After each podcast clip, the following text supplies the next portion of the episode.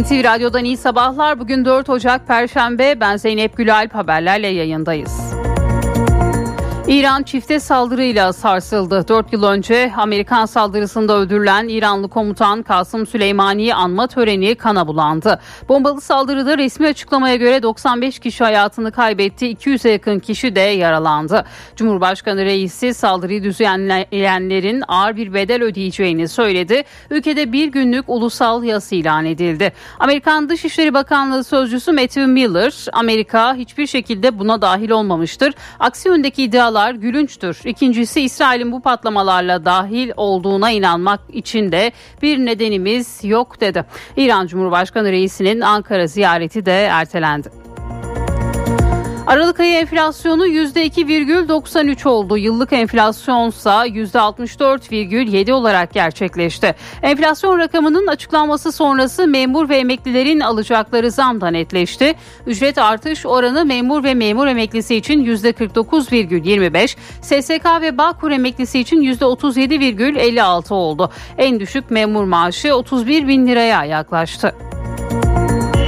Akaryakıt fiyatlarında otomatik ÖTV artışı nedeniyle fiyat artışına gidildi. Akaryakıt ÖTV'sine %25,6 zam geldi. Bu artışla benzine KDV dahil 2 lira 31 kuruş, motorine 2 lira 17 kuruş, otogaza 1 lira zam yapıldı. Ayrıca alkollü içkilerden alınan ÖTV tutarı da aynı oranda artırıldı. Buna göre 1 litre rakıda halen 449 lira olan ÖTV tutarı 478 liraya çıkıyor. Bedelli askerlik ücreti de arttı. Ocak ayında yapılan memur maaş zammıyla birlikte 2024 yılında geçerli olacak bedelli askerlik ücreti %49,25'lik artışla 182.608 liraya yükseldi. Yüksek yargıdaki yetki gerilimi sürüyor. Yargıtay Anayasa Mahkemesi'nin cezaevindeki milletvekili Can Atalay hakkındaki ikinci ihlal kararına da uymadı. Yapılan açıklamada Anayasa Mahkemesi'nin kararı için hukuki değeri yok denildi. Amerika Birleşik Devletleri'nden Türkiye'ye F-16 satışı açıklaması geldi. Amerikan yönetimi İsveç'in NATO'ya üyelik sürecinin Türkiye Büyük Millet Meclisi Dışişleri Komisyonu'ndan geçmesinden memnuniyet duyulduğunu ve Ankara'ya F-16 savaş uçaklarının satış sürecine ilişkin hassas şekilde çalışıldığı bildirildi. Ankara'nın yerel seçim mesaisi ise yoğunlaştı. AK Parti sözcüsü Ömer Çelik, AK Parti'nin yerel seçimlerdeki aday belirleme sürecine yönelik açıklama yaptı. Çelik, adaylarımızın bir bölümünü pazar günü İstanbul Haliç Kongre Merkezi'nde kalanları ise seçim beyannamemizle birlikte 15 Ocak tarihinde Ankara'da açıklayacağız dedi. CHP'de de aday belirleme mesaisi devam ediyor. Bugün Merkez Yönetim Kurulu ve Parti Meclisi toplantıları yapılacak. Memleket Partisi Genel Başkanı Muharrem İnce de CHP Genel Başkanı Özgür Özel'i ziyaret edecek. İyi Parti'de de yerel seçim hazırlıkları sürüyor. Parti sözcüsü Kürşat Zorlu 4 büyük şehir ve 10 il adayının netleştiğini hatırlattı. Önümüzdeki hafta adaylarımızı açıklamaya devam edeceğiz dedi. Hizbullah lideri Hasan Nasrallah Hamas'ın iki numaralı ismi Salih Aruri'nin öldürülmesine ilişkin bu suç cevapsız ve cezasız kalmayacak dedi. Hizbullah'la savaşmayı düşünenlerin pişman olacağını ifade eden Nasrallah bizimle savaşın bedeli ağırdır ifadelerini kullandı. Amerikan Merkez Bankası'nın son toplantısına ait tutanaklar banka yetkililerinin politika faizinin zirvede veya zirveye yakın olduğunu ve 2024'te faiz indirimlerine başlanacağını düşündüğünü ortaya koydu. Ancak yetkililerin enflasyon açıkça düşene kadar para politikasının bir süre daha kısıtlayıcı kalmasının uygun olacağı görüşünde olduğu da vurgulandı.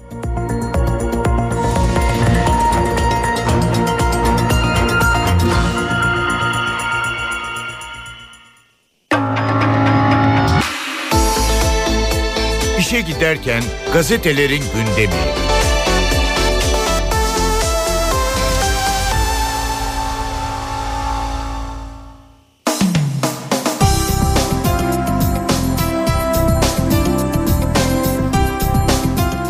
Sabahla başlıyoruz. Bu zulüm cezasız kalmasın manşetini atıyor bugün Sabah gazetesi.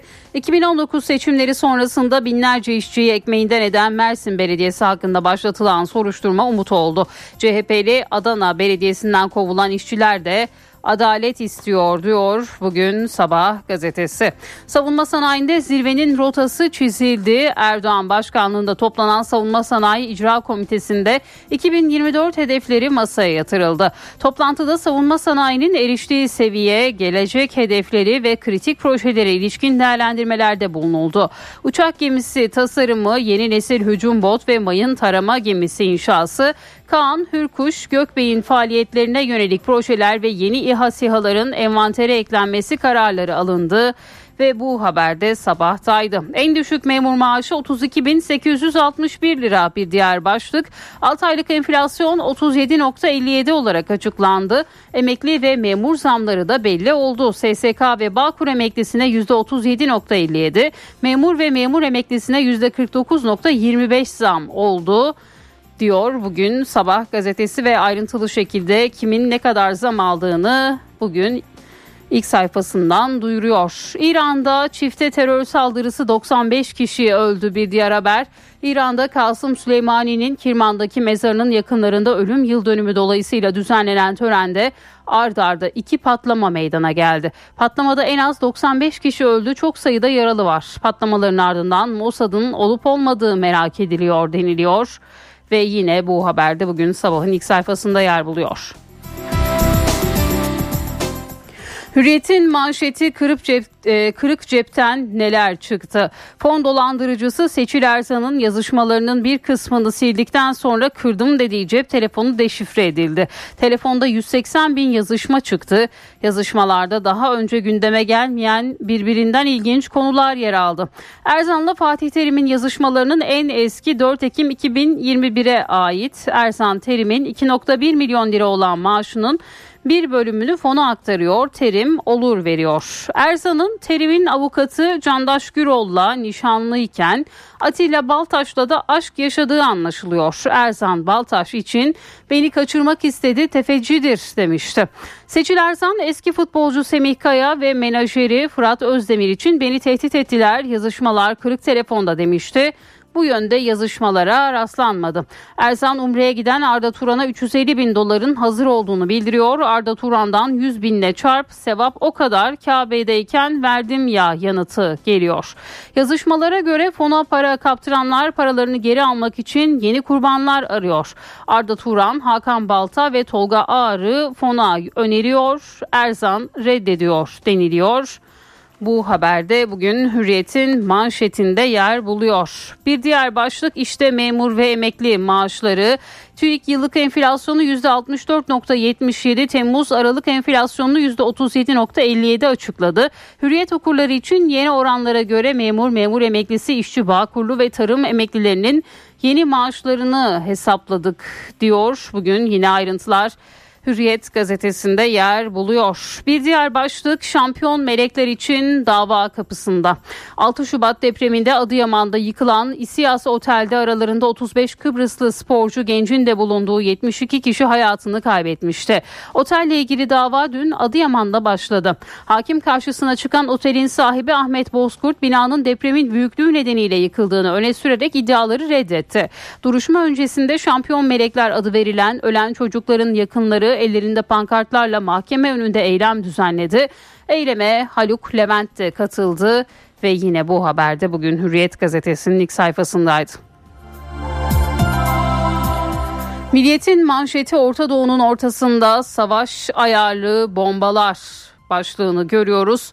İsrail'in Hamas liderlerinden Aruri'yi Beyrut'ta öldürmesinden bir gün sonra İran'da Kasım Süleymani'nin mezarı başındaki törende hedef alındı 103 ölü diyor bugün Milliyet gazetesi. Bir diğer haber Türkiye uçak gemisi inşa edecek başlığıyla Türkiye savunma sanayi alanında büyük çaplı deniz projelerine ağırlık verecek. Cumhurbaşkanı Erdoğan başkanlığında toplanan savunma sanayi icra komitesinde dünyanın ilk SİHA gemisi olarak tanımlanan çok maksatlı amfibi gemi TCG Anadolu'nun donanmanın hizmetine girmesinin ardından uçak gemisi inşasında tasarım aşamasına geçilmesi kararı alındı ve bu haberde yine Milliyet gazetesinde yer aldı. Emekliler aynı oranı bekliyor. Cem Kılıç'ın yazısının bir bölümü bugün Milliyet gazetesinin ilk sayfasında yer buluyor. Memur ve memur emeklileri yılın ilk 6 ayı için %49.25'lik bir zam alırken SSK ve Bağkur emeklileri %37.57 zam alacak. Hükümetin hoşnutsuzluğa sebebiyet vermemek adına tüm emeklilerin artış oranını en yüksek düzeyde birleştirmesi bekleniyor deniliyor bugün Milliyet gazetesinde. Bir diğer haber sahibinden büyük hata başlığıyla Türkiye'nin en büyük ilan sitelerinden sahibinden.com'a dün gece yarısından itibaren erişilemedi. Şirketten yapılan açıklamada alan adı sağlayan firmayla sorun yaşandığı belirtildi. Sitenin domain süresini uza, e, uzatmayı unutup ödemesini geciktirince adresinin boşa düştüğü ve Amerikalı bir şirket tarafından satın alındığı öne sürüldü. Sorun dün akşam saatlerinde giderildi diyor bugün yine Milliyet gazetesi.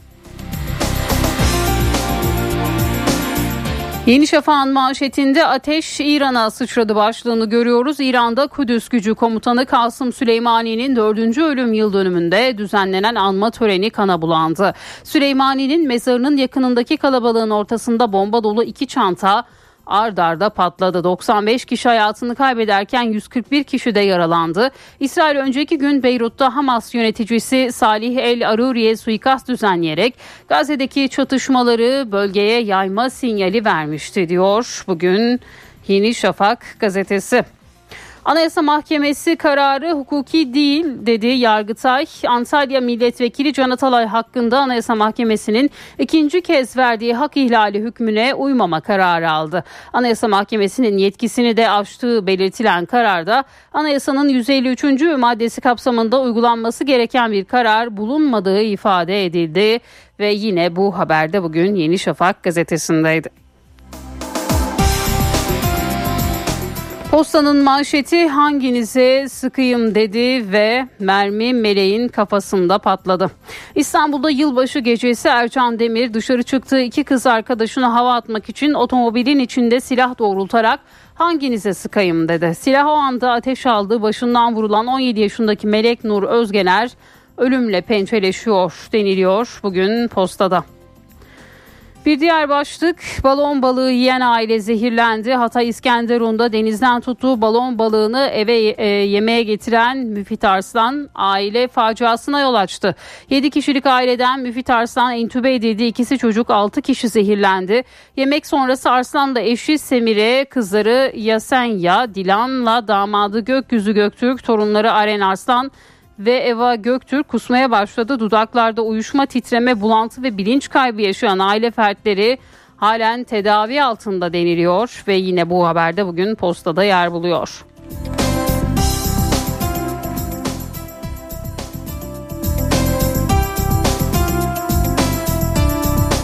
Gazete turumuzu böylece tamamlamış olduk. Şimdi bir araya gideceğiz. Sonrasında haberlerle devam edeceğiz.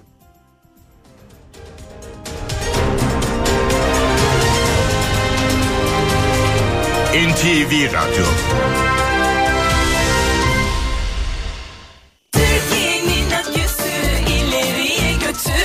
Yiğit Akü yol durumunu sunar. Karayolları Genel Müdürlüğü duyurdu. Aydın Denizli Otoyolu'nun 9-12. kilometrelerinde ve Tak Otoyolu'nun Bahçe Nurdağ kavşakları 1-5. kilometrelerinde yol bakım çalışmaları yapıldığından ulaşım kontrollü olarak sağlanıyor. Sürücüler dikkatli seyretmeli. Yiğit Akü yol durumunu sundu. Hiç unutmam. Unutmam. İlginç tıbbi vakalar.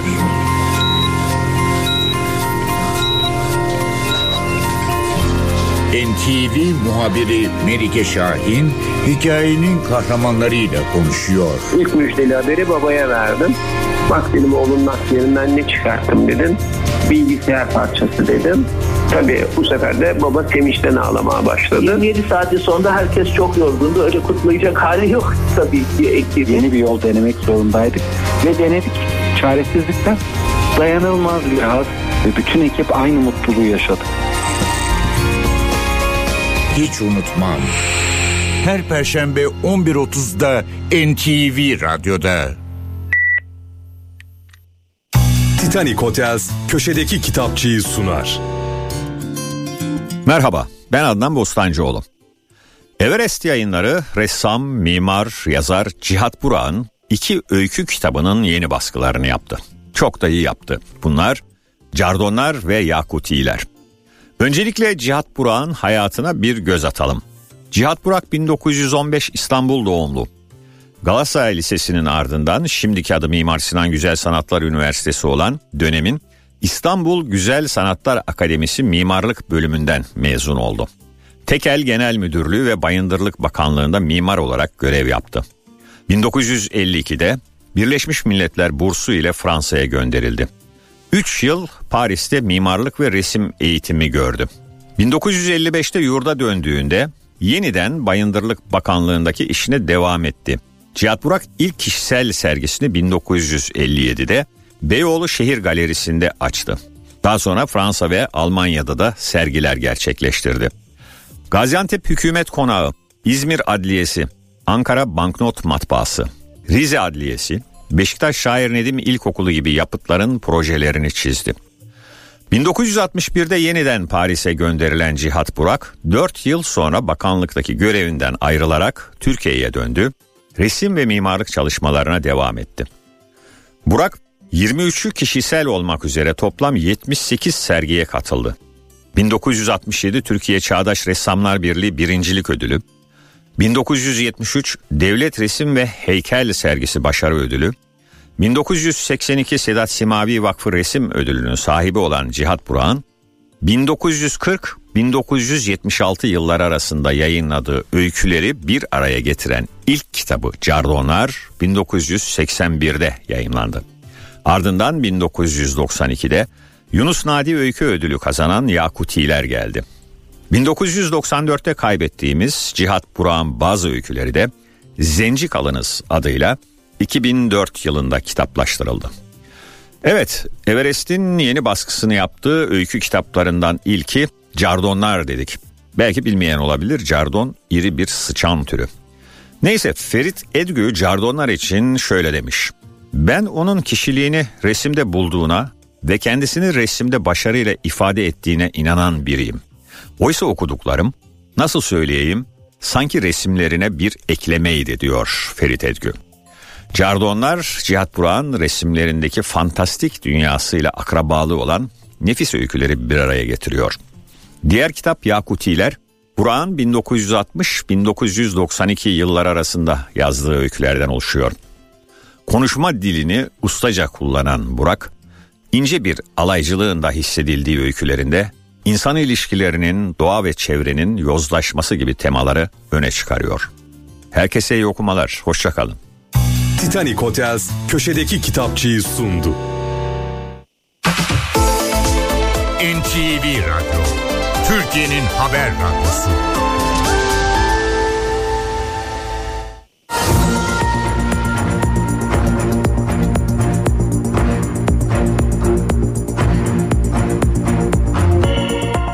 NTV Radyo'da haberleri aktarmayı sürdürüyoruz. İran'da 4 yıl önce Amerikan saldırısında ölen İranlı komutan Kasım Süleymani'nin anıldığı tören çifte bombalı saldırıyla kana bulandı. Bomba dolu iki çanta 10 dakika arayla patlatıldı. En az 95 kişi hayatını kaybetti, 200'e yakın kişi de yaralandı. Cumhurbaşkanı reisi saldırıyı düzenleyenlerin ağır bir bedel ödeyeceğini söyledi. Ülkede bugün için ulusal yas ilan edildi. İki çanta 10 dakika arayla patladı. İran Devrim Muhafızları Kudüs Gücü Komutanı Kasım Süleymani'yi anma töreni kana bulandı. İran terör saldırılarıyla sarsıldı. Ülkenin güneydoğusundaki Kirman kentinde Kasım Süleymani'nin Amerika Birleşik Devletleri saldırısı sonucu öldürülmesinin dördüncü yıl dönümü nedeniyle anma törenleri düzenleniyordu. İran'ın birçok kentinden binlerce kişi de Kirman'a akın etmişti. Saldırılar Süleymani'nin kabrinin de bulunduğu mezarlığa giden yolda gerçekleşti. İlk patlama Süleymani'nin mezarına 700 metre mesafede meydana geldi. Bölgede büyük bir panik yaşandı. 10 dakika sonra ise ikinci patlama sesi geldi. Olay yeri bu defa Süleymani'nin mezarına 1 kilometre mesafedeydi. Patlamaların ardından ortalık kan gölüne döndü. Ölü ve yaralı sayısı hızla arttı. İranlı yetkililer olayı terör saldırısı olarak nitelendirdi. Yarı resmi Teslim haber ajansı da fail ya da faillerin bölgeye iki ayrı bomba bıraktığı ve uzaktan patlattığını duyurdu. Ölenler arasında çocukların da olduğu belirtiliyor. İran Yargı Erki Başkanı Gulam Hüseyin Muhsini Ece'yi bu suçun failleri cezalandırılacak açıklaması yaptı. Saldırıları üstlenen olmadı. İran Cumhurbaşkanı İbrahim Reisi bugün Ankara'ya gelecekti ama ertelendi. Cumhurbaşkanlığından konuyla ilgili bir açıklama yapıldı. Ayrıntıları Ahmet Örsoğlu'ndan dinliyoruz. Cumhurbaşkanı Recep Tayyip Erdoğan, İran Cumhurbaşkanı İbrahim Reisi ile bir telefon görüşmesi gerçekleştirdi. Görüşme önemli. İran Cumhurbaşkanı'nın Ankara'da olması bekleniyordu ancak gerçekleştirilen Kirman'daki o iki bombalı saldırı sonrasında ziyaret başka bir güne ertelendi. Cumhurbaşkanı Erdoğan görüşmede reisiye Kirman'da meydana gelen terör saldırısı nedeniyle başsağlığı dileklerini iletti. Yine Erdoğan sivilleri hedef alan terör saldırısını kınadı. Türkiye'nin terörle mücadelede İran'ın yanında olduğunu söyledi ve İran halkına kayıpları nedeniyle sabır temenni etti. Görüşmede yine Cumhurbaşkanı Erdoğan İran'a terörle mücadelede ortak hareket etme çağrısını yineledi. Şöyle bir dipnot aktarmakta fayda var.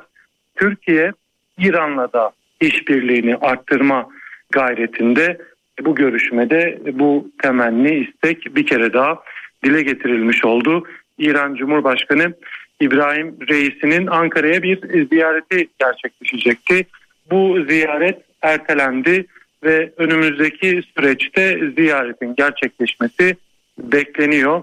Terörle mücadele, Gazze ve ekonomik işbirlikleri bu görüşmenin ana gündem maddeleriydi. Bunu da söylemekte fayda var. Ahmet Örsoğlu Ankara'dan bildirdi.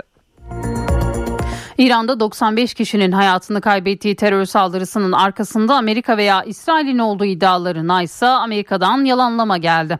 Açıklamada bu olayla hiçbir şekilde ilgimiz yok denildi. Rusya Devlet Başkanı Putin, İran'ın Kirman kentinde düzenlenen saldırının ardından dini lider Ayetullah Ali Hamenei ile Cumhurbaşkanı İbrahim Reisi'ye taziye mesajı gönderdi. Avrupa Birliği de yayınladığı bir açıklamayla saldırıyı kınadı. Birleşmiş Milletler Genel Sekreteri Guterres de bir kınama açıklaması yaptı ve sorumluların yargılanmasını istedi. Saldırı Amerikan Dışişleri Bakanlığı'nın günlük basın toplantısında da gündeme geldi. Sözcü Matthew Miller saldırının arkasında Amerika ya da İsrail olduğuna dair iddiaları gülünç bulduğunu söyleyerek yalanladı. Türkiye'deki kilise ve sinagoglara saldırı hazırlığındayken MIT ve emniyet ekiplerinin düzenlediği operasyonla çökertilen DAEŞ'li teröristlere ait keşif görüntüleri ortaya çıktı. Tamamı yabancı uyruklu 25 terör zanlısı tutuklandı. Kiliseler, sinagoglar ve Irak'ın Ankara Büyükelçiliği.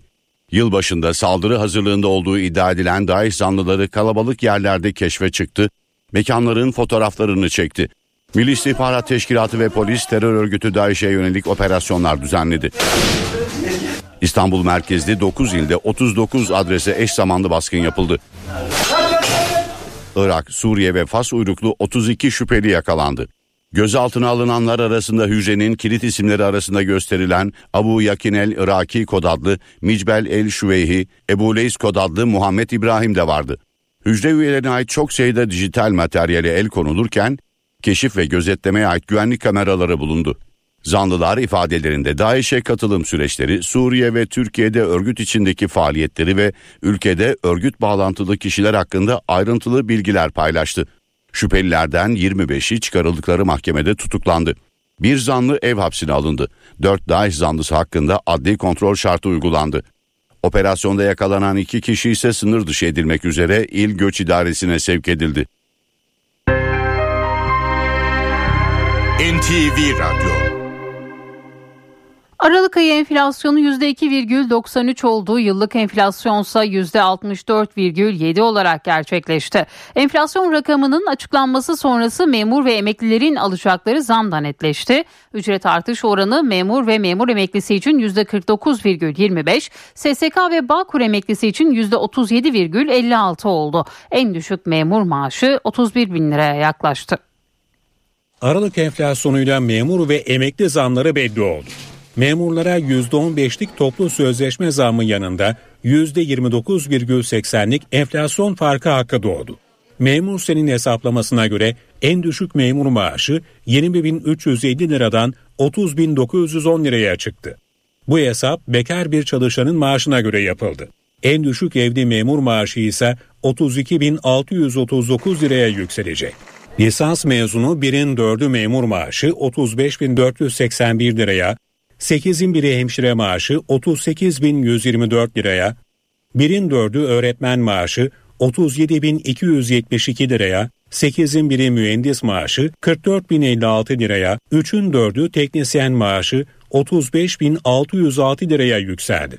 Derecesi birin dördü olan veteriner maaşı 48.116 liraya, birin dördü imam ve hatip maaşı 35.745 liraya, yedinin biri araştırma görevlisi 47.989 liraya, birin dördü profesör maaşı 72.427 liraya, dördün biri şube müdürü maaşı 42.265 liraya çıktı. İşçi ve Bağkur emeklileri her yıl Ocak ve Temmuz'da geriye dönük 6 aylık tüf artışı kadar zam alıyor.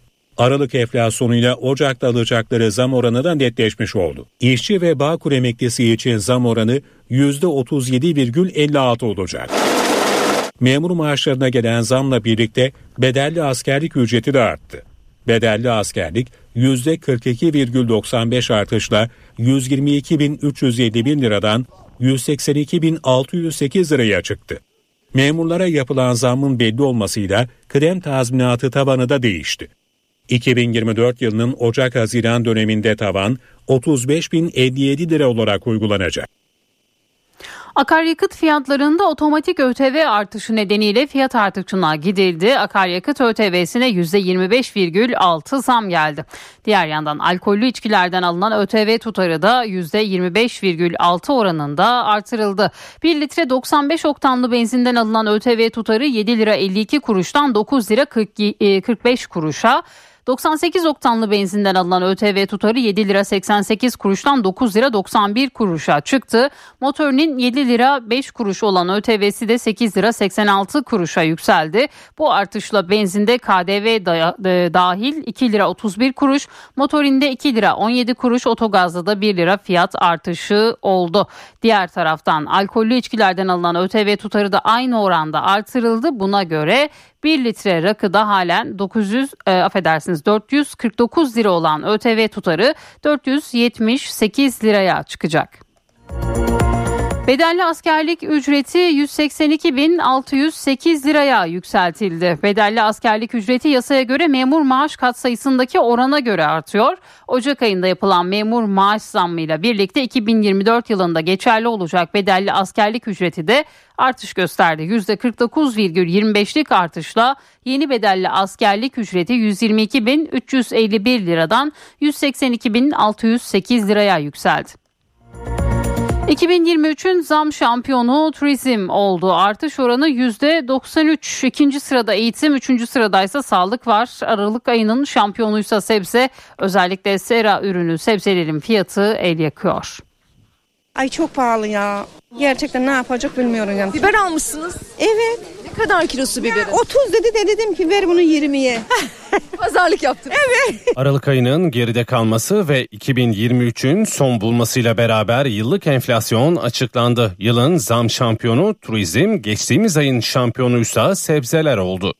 En sonuna gidiyorsun en ucuz arayıp bulup alıyorsun o kadar. Kıyaslayıp ona göre alıyorum. Türkiye İstatistik Kurumu rakamlarına göre Aralık'ta enflasyon aylık %2,93 yıllık %64,77 arttı. Aralık ayının zam şampiyonu %27'lik fiyat artışıyla sebzeler oldu. İkinci sırada %14'lük artışla ilaçlar var. Üçüncü sırada da kuzu eti. Onun yanına bir de eti koy. Neye mal olacağını göz önüne getir. Üreticinin cebine gitsek am yemeyeceğim de aracılara gidiyor. Aradakiler kazandığı için üretici adına da üzülüyorum. Kış sebzeleri 20 ile 30 lira arasında değişirken sera ürünü yaz sebzeleri cep yakıyor. Peki çarşı pazarda etiketler nasıl? Hemen yan tarafında domatesi görüyorsunuz. 50 liraya da domates var 40 liraya da hemen yan tarafında da salatalık var onun da kilosu 40 lira kabak 50 lira patlıcan 35 lira ve hemen yanında da sivri biber var. Onun da kilosu 100 lira. Fiyatlar fahiş yüksek. Yani hiçbir şey alınmıyor, satılmıyor. Domates 50 var, pembe var 60, köy domatesi var 55, salkım var 45, kıl biberi var 100 lira. Acı biber var 120. Hepsi Antalya malı. Sera olunca da fiyat artıyor. Aynen öyle. 2023'ün zam şampiyonuysa %93'lük fiyat artışıyla lokanta ve oteller oldu. İkinci sırada %82 ile eğitim yer alırken üçüncü sıradaysa %79'la sağlık var. Yüksek yargıdaki yetki gerilimi sürüyor. Yargıtay Anayasa Mahkemesi'nin cezaevindeki milletvekili Can Atalay hakkındaki ikinci ihlal kararına da uymadı. Yapılan açıklamada Anayasa Mahkemesi'nin kararı için hukuki değeri yok denildi.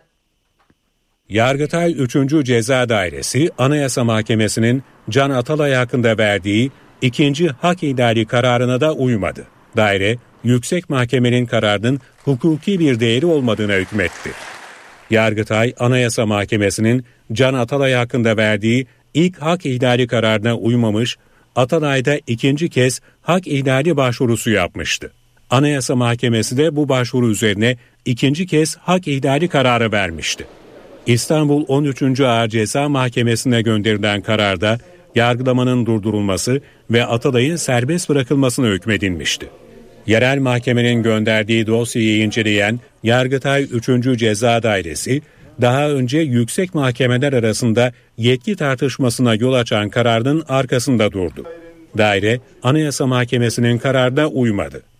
Atalay hakkında mahkumiyet kararının daire tarafından daha önce onandığı ve bu kararın kesin olduğu hatırlatılan kararda, Anayasa Mahkemesi'nin Atalay'ın bireysel başvuruları hakkındaki hak ihlali kararlarına hukuki değer ve geçerlilik izafi edilemeyeceği belirtildi. Anayasanın 153. maddesi kapsamında uygulanması gereken bir karar bulunmadığı da ifade edildi. Daire, hak ihlaline uyulması durumunda haklarında kırmızı bülten bulunan ve henüz hüküm giymemiş Fethullah Gülen, Adil Öksüz, Murat Karayılan gibi terör suçlularının da milletvekili seçilme durumunun olabileceğine de dikkat çekti. Kararın gerekçesinde yer alan juristokrasi yani yargıçlar iktidarı ifadesi de dikkat çekti.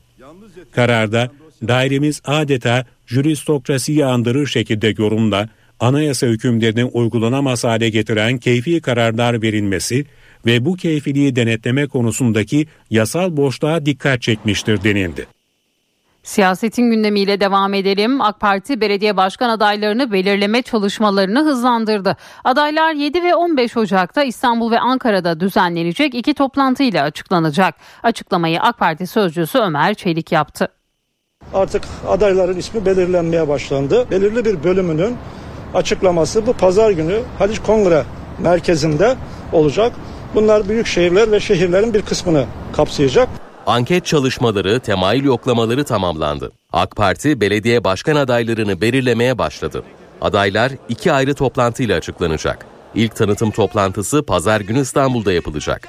Bir hafta sonra da kalan adaylar ve beyanname açıklanacak. Kalan adaylarımızı da 15'inde e, seçim beyannamemizi açıklarken Ankara'da e, açıklayacağız. Karar Cumhurbaşkanı Recep Tayyip Erdoğan başkanlığında yapılan aday belirleme toplantısında alındı. Toplantının ardından AK Parti sözcüsü Ömer Çelik kameraların karşısındaydı. İlk açıklama parçasının içine giren büyük şehirler ve şehirler. Kalanlar da e, pazar günü açıklanacak. E tabi e, Ankara İstanbul en çok merak edilen o genel başkanımızın takdirinde. 15'indeki toplantıda Ankara'dakinde Sayın Genel Başkanımız, Cumhurbaşkanımız aynı zamanda bizim parti olarak seçim beyannamemizi de açıklamış olacak. Çelik, yerel seçimde işbirliği görüşmelerinin sürdüğünü de söyledi. En geniş işbirliğinin sağlanması için e, Cumhur İttifakı'nın aynı genel seçimlerde olduğu gibi çok büyük bir başarıya imza atması için bu görüşmeler devam ediyor. Devam ettiğine göre demek ki henüz e, son noktaya gelinmemiş demektir. Bu aşamaya gelindiğinde evet arkadaşlar sonuç şu oldu. Bu şekilde bir işbirliği ortaya çıkıyor dediğimizde e, nasıl MHP ile onanı açıkladıysak diğerlerini de açıklarız. CHP'de de aday belirleme mesaisi devam ediyor. Bugün Merkez Yönetim Kurulu ve Parti Meclisi toplantıları yapılacak. Memleket Partisi Genel Başkanı Muharrem İnce de CHP Genel Başkanı Özgür Özel'i ziyaret edecek. Kritik toplantılar öncesi Özgür Özel, Star Haber'in sorularını yanıtladı. Aday belirleme çalışmalarına devam eden Cumhuriyet Halk Partisi'nde iki önemli toplantı var. Önce MYK, Ardından da parti meclisi toplanacak. Parti meclisi toplantısında Mersin, Adana ve Hatay Büyükşehir Belediye Başkan adaylarının netleşmesi bekleniyor. Bu üç ilde mevcut başkanlarla yola devam kararı alındığı ve parti meclisinin onayına sunulacağı konuşuluyor. Gözlerse İzmir adayında. Star Haber'e konuşan CHP Genel Başkanı Özgür Özel önemli mesajlar verdi. Sadece İzmir için 46 milletvekili görevlendirdik. Bunun yanı sıra memnuniyet anketleri de devam ediyor. Bir kısım raporlar geldi. Bütün raporlar geldikten sonra karar alma süreci daha da netleşecek. İzmir partimizin amiral gemisi niteliğinde. En doğru aday için özenli bir çalışma yapıyoruz. Özel, işbirliği teklifinin reddedilmesinin ardından gerilen CHP-İyi Parti ilişkileri hakkında da konuştu. Yerel seçimde işbirliğine kapıyı açık bıraktı. İyi Parti ile şu an için bir temasımız yok. Ancak İyi Parti'nin olumlu bir adım atması durumunda yeniden görüşebiliriz. İyi Parti'nin içerisindeki bazı tartışmalar bizim dışımızda olan konular. Parti meclisi toplantısı öncesinde CHP'de önemli bir görüşme de olacak. Memleket Partisi Genel Başkanı Muharrem İnce, Özgür Özel'i ziyaret edecek. Görüşmede yerel seçimler ve olası işbirliği senaryolarının da gündeme gelmesi bekleniyor. İyi Parti'de ise parti sözcüsü Kürşat Zorlu konuştu. 4 büyükşehir ve 10 il adayının netleştiğini hatırlattı. Önümüzdeki hafta adaylarımızı açıklamaya devam edeceğiz dedi. Cuma günü Genel Başkanımız Bursa'da olacaklar. Önümüzdeki hafta adaylarımızı açıklamaya devam edeceğiz. Burada büyük bir titizlikle çalışmalarımızı yürütüyoruz. Her yerde dediğim gibi adaylarımızı çıkaracağız. 5 Ocak tarihinden itibaren artık sahalara iniyoruz. İyi Parti'de yerel seçim hazırlıkları sürüyor. Seçime tek başına girme kararı alan partide Ankara ve İstanbul adayları ise henüz belirlenmedi. Son durumu anlatan parti sözcüsü Kürşat Zorlu'ya Genel Başkan Meral Akşener de Gelecek Partisi Genel Başkanı Ahmet Davutoğlu'nun yaptığı görüşmede soruldu. Gazze'deki katliam, bu konuda neler yapılabileceği, birlikte bir tavır nasıl geliştirilebileceği konuları üzerinde e, duruldu. Bunun dışında e, bir başlığın olmadığını ifade etmeliyim. Zorlu'nun gündeminde memur ve emeklilere yapılacak zamlar da vardı. Emekli, işçi ve esnaf yaklaşık 10.500 TL aylık alırken emekli memur yaklaşık 15.000 TL alacak. En düşük emekli aylığının asgari ücrete çekilmesi ve bunu sağlayacak şekilde emekli zam oranına refah payı ve seyyanen zam artışı eklenmesi gerektiği şeklindeki önerimizi bir kez daha huzurlarınızda tekrarlamak istiyoruz. NTV Radyo Hamas'ın iki numaralı ismi Salih Aruri'nin öldürülmesinin ardından tansiyon yükseldi. İsrail'den savaşın yayılmasına hazırız açıklaması geldi. Bu arada İsrail medyası yerlerinden edilen Gazelilere yönelik ilginç bir iddiayı gündeme getirdi. İddiaya göre İsrailli yetkililer Gazelileri başta Afrika ülkesi Kongo olmak üzere bazı ülkelere göndermek üzere iletişim halinde. Hamas'ın iki numarası Salih Aruri, İsrail'in İHA saldırısıyla Beyrut'ta öldürüldü. Suikastin yankıları ise sürüyor. Aruri'nin öldürülmesi Gazze şeridindeki savaşın bu sınırlar ötesine taşınacağı yönündeki endişeleri de arttırdı. İran Dışişleri Bakanı Hüseyin Emir Abdullahyan, suikastin bölgedeki diğer ülkeler için de ciddi bir tehdit anlamına geldiğini söyledi. İsrail ordusundan daha geniş bir bölgesel çatışma riskine karşı hazırız mesajı geldi. Hamas'a Aruri'nin öldürülmesinin yenilgiye yol açmayacağını söyledi. Lübnan Hizbullah'ındansa bu suikast cezasız kalmayacak. Bu Lübnan'a karşı bir saldırıdır açıklaması geldi. İsrail medyası ise yerlerinden edilmiş yüz binlerce Gazeli için İsrail'in planlarına yönelik bir iddiayı gündeme getirdi. İddiaya göre İsrailli yetkililer başta Afrika ülkesi Kongo olmak üzere farklı ülkelere Gazelilerin gönderilmesi konusunu görüşüyor. Habere göre İsrail İstihbarat Bakanı Gila Gamliel de bu projeleri destekliyor. Güney Afrika Cumhuriyeti 29 Aralık'ta İsrail'e yönelik Uluslararası Adalet Divanı'nda Birleşmiş Milletler Sözleşmelerini ihlal ettiği gerekçesiyle soykırım davası açmıştı. Soykırım davasının ilk duruşmasının 11-12 Ocak'ta yapılacağı duyuruldu. Amerikan Başkanı Joe Biden Gazze politikası yüzünden kendi ekibinden tepki görüyor. Biden'ın seçim kampanyasını yürüten 17 kişi İsrail'e silah yardımı sürerse seçimlerin kaybedileceği uyarısında bulundu. Kampanya ekibi Kasım'da ikinci dönemi için yarışmaya hazırlanan Biden'a açık mektupla seslendi. Biden için çalışan gönüllülerin hızla iş bırakmaya başladığı belirtildi. Yıllardır demokratlara oy verenlerin şimdi bundan emin olmadıklarını e, olmadıkları anlatıldı. Biden'dan ateşkes çağrısı yapması ve İsrail'e silah yardımını durdurması istendi. Bu kendi partisinden Biden'a ilk tepki değil, kongre üyelerinden Beyaz Saray çalışanlarına çok sayıda kişi Biden'ı Gazze Savaşı yüzünden eleştirmişti. Aralıkta yapılan bir ankete göre de Amerikalıların %61'i yönetimin Gazze politikasından memnun değil. Siber dolandırıcılar kamu kurumlarının adını kullanarak kurbanlarını ağlarına düşürmeye çalışıyor. Mezarlıklar Daire Başkanlığı adıyla gönderilen mesajda e-devletinize giriş yapılmıştır yalanıyla link gönderiliyor. Linke tıklayanların şifreleri ve telefonları karşı tarafa geçiyor. İletişim Başkanlığı kurulan tuzağa karşı vatandaşları uyarıyor bir devlet kurumu olmasından ötürü e, inandırıcılık sağlanıyor olması. Bizim insanımız birazcık herhalde şey meraklı. Dikkat etmesi lazım. Atılan şeylere fazla tıklamasınlar, kurcalamasınlar.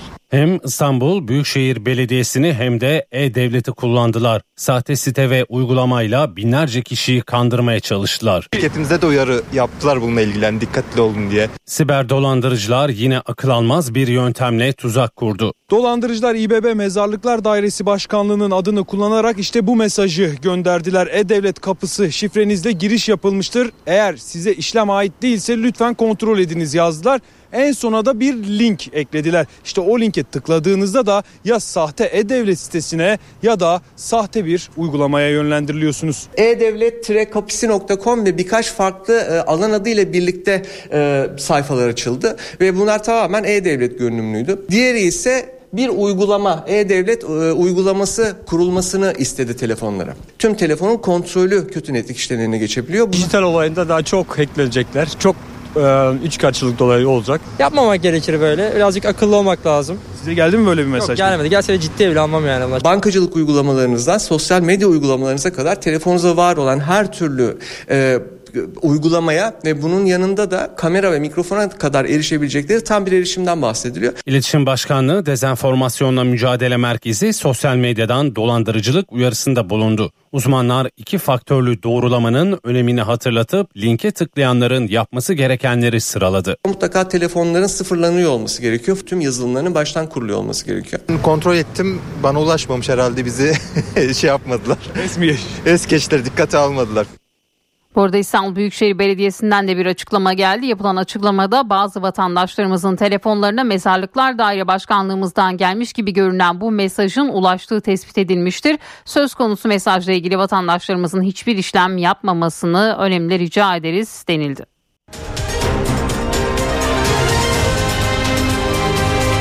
NTV Radyo HDI Sigorta İstanbul'un yol durumunu sunar. HDI Sigorta İstanbul'da bu dakika itibariyle trafikte yoğunluk haritası %49'u gösteriyor. Anadolu'dan Avrupa'ya geçişte 15 Temmuz Şehitler Köprüsü'ne giderken Çamlıca Beylerbeyi arasında yoğunluk başlamış durumda. Fatih Sultan Mehmet Köprüsü'ne giderken de Ataşehir Çavuşbaşı arası yoğun. Her iki köprüde de Anadolu'dan Avrupa'ya geçişte yoğun bir trafik gözleniyor. Avrasya Tüneli ise çift taraflı açık. Avrupa yakasına gelindiğinde yoğunluk A5'te avcılardan Tem'de ise Esenyurt'tan başlıyor. İyi yolculuklar. HDI Sigorta İstanbul'un yol durumunu sundu. Üstün Alman teknolojisiyle üretilen Düfa Boya spor haberlerini sunar.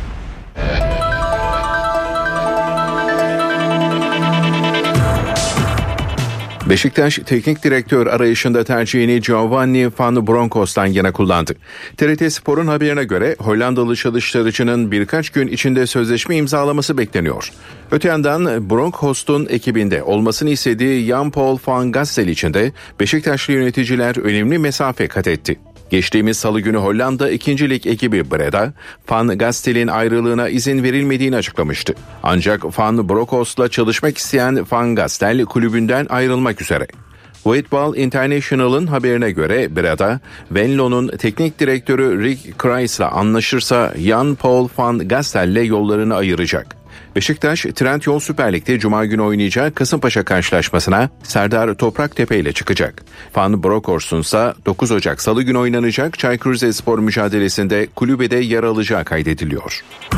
Mete Kalkavan hakemliği bıraktı. Kalkavan kariyerine hakem akademisinde var eğitim sorumlusu olarak devam edecek. Mete Kalkavan son olarak 19 Aralık 2023'te oynanan Rams Başakşehir EMS yapı Sivasspor maçını yönetmişti. Öte yandan Merkez Hakem Kurulu da hakem kadrosunda değişiklikler yaptı. Yaşar Kemal Uğurlu, Erkan Özdamar, Sarper Barış Saka, Yasin Kol ve Yiğit Arslan bir alt klasmana düşürüldü. Alper Akarsu, Ömer Faruk Turtay, Oğuzhan Çakır, Abdullah Buğra Taşkınsoy, Mehmet Türkmen, Emre Kargın ve Muhammed Ali Meteoğlu ise yeni Süper Lig hakemleri oldu. Türk futbolunda önümüzdeki 3 sezonun yayın hakları için ihale süreci başladı. Federasyon 5 farklı paketi içeren sürecin takvimini açıkladı. Televizyon, radyo, dijital ve maç özetlerini kapsayan paketlere talip olan kuruluşlar 26 Ocağı kadar 300 bin liralık ihale şartnamesini almak zorunda. Teklifler için son tarih ise 14 Şubat. Real Madrid Türk spor severlerin de merakla beklediği La Liga maçında Mallorca'yı 1-0 yendi. Carlo Ancelotti maç kadrosuna alınan ancak süre bulamayan Arda Güler hakkında konuştu. Carlo Ancelotti, Arda Güler yakında süre almaya başlayacak. Arda çok genç, daha 18 yaşında. O Real Madrid'in bugünü ve geleceği.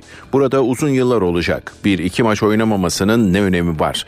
Cumartesi günü oynanacak Arandina maçında bugün oynamayan oyuncular oynayacak dedi. Panathinaikos'ta Fatih Terim dönemi galibiyetle başladı. Yeşil Beyazlı ekip konuk ettiği Paz Giannina'yı 2-0 mağlup etti. Ligdeki 16. maçında 12. galibiyetini alan Fatih Terim'in ekibi puanını 37'ye yükselterek zirve takibini sürdürdü. Ligin ilk sırasında 38 puanla Razvan Lucescu yönetimindeki PAOK bulunuyor. Panathinaikos ligdeki sıradaki maçında Panei Tolikos'u konuk edecek. Anadolu Efes'in mağlubiyet serisi 5 maça çıktı. Lacivert Beyazlılar çift maç haftasındaki ilk sınavında konuk olduğu Valencia'ya 93-88 yenildi. Anadolu Efes'te Shane Larkin'in 20 sayılık performansı mağlubiyeti engelleyemedi. Erdemcan'ın ekibi bu sonuçla ligdeki 18. maçında 11. kez sahadan yenilgiyle ayrıldı. Efes sıradaki maçında Cuma günü lider Real Madrid'e konuk olacak. Fenerbahçe Beko ise Euroleague'deki çift maç haftasını galibiyetle tamamlamak istiyor. Sarı lacivertliler İsrail temsilcisi Maccabi Plaitika ile karşılaşacak. Güvenlik endişesi sebebiyle İstanbul yerine Litvanya'da oynanacak mücadele saat 20.45'te başlayacak. Dayanıklı, kolay sürülen, kapatıcılığı yüksek Düfa Boya spor haberlerini sundu.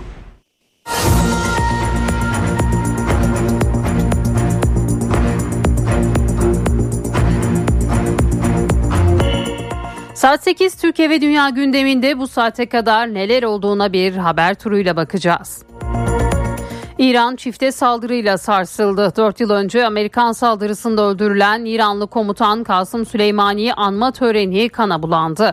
Bombalı saldırıda resmi açıklamaya göre 95 kişi hayatını kaybetti. 200'e yakın kişi de yaralandı. Cumhurbaşkanı İbrahim Reisi saldırıyı düzenleyenlerin ağır bir bedel ödeyeceğini söyledi. Ülkede bir günlük ulusal yas ilan edildi. Amerikan Dışişleri Bakanlığı Sözcüsü Matthew Miller, Amerika hiçbir şekilde buna dahil olmamıştır. Aksi yöndeki iddialar gülünçtür. İkincisi İsrail'in bu patlamalarda dahili olduğuna inanmak için bir nedenimiz yok dedi. İran Cumhurbaşkanı Reisi'nin Ankara ziyareti de ertelendi.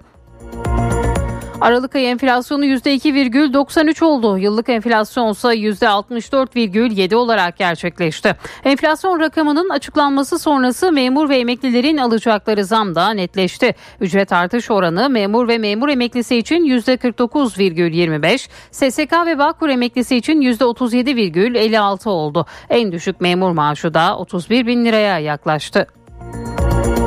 Akaryakıt fiyatlarında otomatik ÖTV artışı nedeniyle fiyat artışına gidildi. Akaryakıt ÖTV'sine %25,6 zam geldi.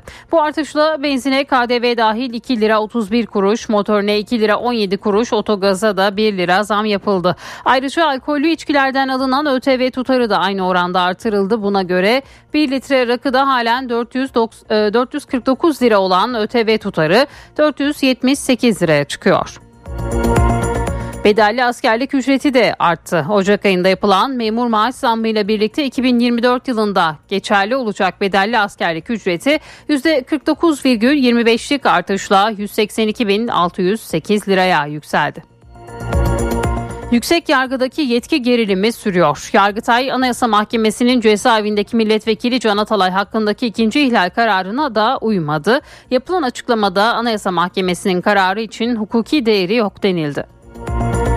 Amerika Birleşik Devletleri'nden Türkiye'ye F-16 satışı açıklaması geldi. Amerikan yönetimi İsveç'in NATO'ya üyelik sürecinin Türkiye Büyük Millet Meclisi Dışişleri Komisyonu'ndan geçmesinden memnuniyet duyduğunu ve Amerika'ya F-16 Ankara'ya F-16 satış uçaklarının satış sürecine ilişkin hassas şekilde çalıştığını bildirdi. Ankara'nın yerel seçim mesaisi yoğunlaştı. AK Parti sözcüsü Ömer Çelik, AK Parti'nin yerel seçimlerdeki aday belirleme sürecine yönelik açıklama yaptı. Çelik, adaylarımızın bir bölümünü pazar günü İstanbul Haliç Kongre Merkezi'nde, kalanları ise seçim beyannamemizle birlikte 15 Ocak tarihinde Ankara'da açıklayacağız dedi.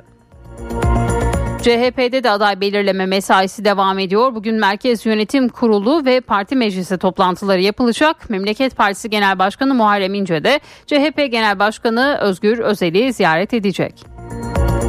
İyi Parti'de de yerel seçim hazırlıkları devam ediyor. Parti sözcüsü Kürşat Zorlu 4 büyükşehir ve 10 il adayının netleştiğini hatırlattı. Önümüzdeki hafta adaylarımızı açıklamaya devam edeceğiz dedi. Hizbullah lideri Hasan Nasrallah Hamas'ın iki numaralı ismi Salih Aruri'nin öldürülmesine ilişkin bu suç cevapsız ve cezasız kalmayacak dedi. Hizbullah'la savaşmayı düşünenlerin pişman olacağını ifade eden Nasrallah bizimle savaşın bedeli ağırdır ifadelerini kullandı. Amerikan Merkez Bankası'nın son toplantısına ait tutanaklar banka yetkililerinin politika faizinin zirvede veya zirveye yakın olduğunu ve 2024'te faiz indirimlerine başlanacağını düşündüğünü ortaya koydu. Ancak yetkililerin enflasyon açıkça düşene kadar para politikasının bir süre daha kısıtlayıcı kalmasının uygun olacağı görüşünde olduğu da vurgulandı.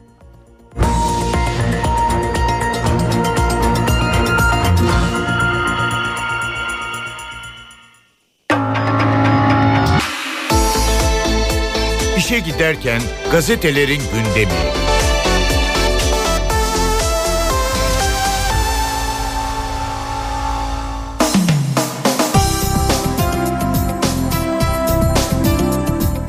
Sabahla başlıyoruz. Bu zulüm cezasız kalmasın manşetini atıyor Sabah gazetesi.